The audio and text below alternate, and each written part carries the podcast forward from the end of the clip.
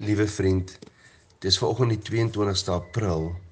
En as jy na hierdie boodskap kan luister, dan beteken dit dat die grootste gawe van die lewe, naamlik die lewe self, nog 'n 24 uur by jou lewe gevoeg is. Vriende, ehm um, dit is vanoggend ehm um, gemengde gevoelens waarmee ons sit. Want almal van ons het gisaand of baie van ons na die president geluister en baie het met 'n oor van ehm um, gaan hy nou hierdie lockdown beëindig?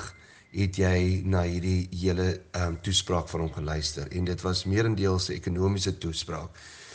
En vriende, ons sit nou in 'n situasie waar Moses en Aaron ook ingesit het.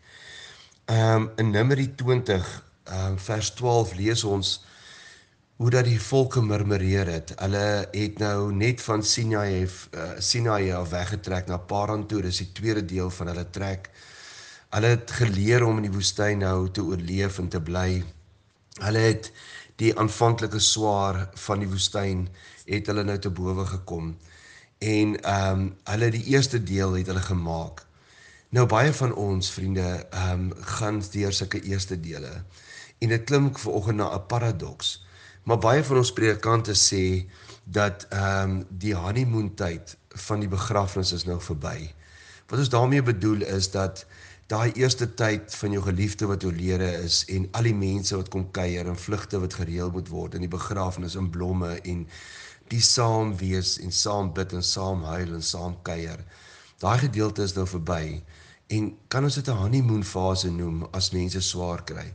Ja, selfs in die begrafnistyd is daar 'n honeymoon fase. En dit beteken nou die tyd aangebreek wat almal weg is, almal met hulle lewens aangaan en jy moet alleen sit. En jy moet nou die alleenheid, die hartseer, hierdie goed moet jy nou trotseer. En dan breek daar 'n moeilike tyd vir 'n mens aan. Vriende, vir die volk was die honeymoon tyd ook nou verby. Die eerste tyd van die skok van die aanpas in die woestyn, van die kwartels eet, van die manna eet elke dag en daai aanpastyd van ons het actually hierdie gemaak is nou verby en nou moet hulle weer verder trek. Hulle moet die tabernakel oppak, hulle moet alles oppak en hulle begin trek en hulle is nie meer gewoond aan hierdie trek nie. En hulle trek van Sinai af na Paran toe en hulle raak moedeloos. Ehm um, en hulle raak opstandig teenoor die Here want hier sit hulle alweer sonder kos en sonder water. En dan praat die Here so mooi met Moses en sê Moses, "Goed, gaan jy en Aaron, vat jou kierie en gaan staan by die rots en dan praat jy met die rots." dat daar water uit die rots uitkom. Maar hierdie mense is so opstandig en hulle werk so op Moses en Aaron. Ons moet onthou dit is naby 2 miljoen mense. Hulle hulle murmureer, hulle is opstandig.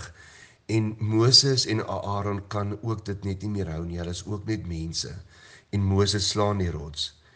En dan gee die Here nog steeds hom die water. Maar dan sê hy vir um, Aaron en vir Moses: "Omdat julle my nie erken het nie, uh, en my die heilige nie voor die Israeliete gehoorsaam was nie, sal julle hierdie volk nie inlei in die land wat ek aan hulle sal gee nie. Vriende, ek en jy sit nou in amper 'n honeymoon fase is nou verby, sit ons nou in lockdown. En nou begin ons ehm um, bietjie opstandig raak en jy begin geïrriteerd raak en jou geld is miskien baie min of op op hierdie stadium. Ehm um, en die kinders begin jou regtig nou irriteer en jy het alles geprobeer van dag tot dag dag geleef jy het vir jou besig gehou maar vanoggend kan jy miskien swaarmoedig voel of kan jy voel hierdie kan ek nie meer doen nie en ek wil nie meer nie en hoe lyk die toekoms wanneer is uitsigloos vriende op hierdie stadium wil ek net vir jou kom sê moenie jou rotse slaan nie moenie die goed in jou lewe wat vir jou kosbaar is slaan nie moenie verhoudings slaan nie uh moenie jouself kastei nie Moenie ehm um, wegstap van God af nie.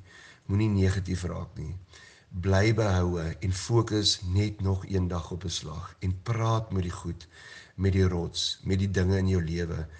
Praat met jou kinders, wees nog een keer mooi met jou man of met jou vrou. Ehm um, bemoedig nog net een keer iemand rondom jou. Want die Here is nie weg nie, die Here is by ons en hy sal vir jou in hierdie droogte tyd sal hy vir jou water gee om te drink. Moenie die rots slaan nie. Praat sag.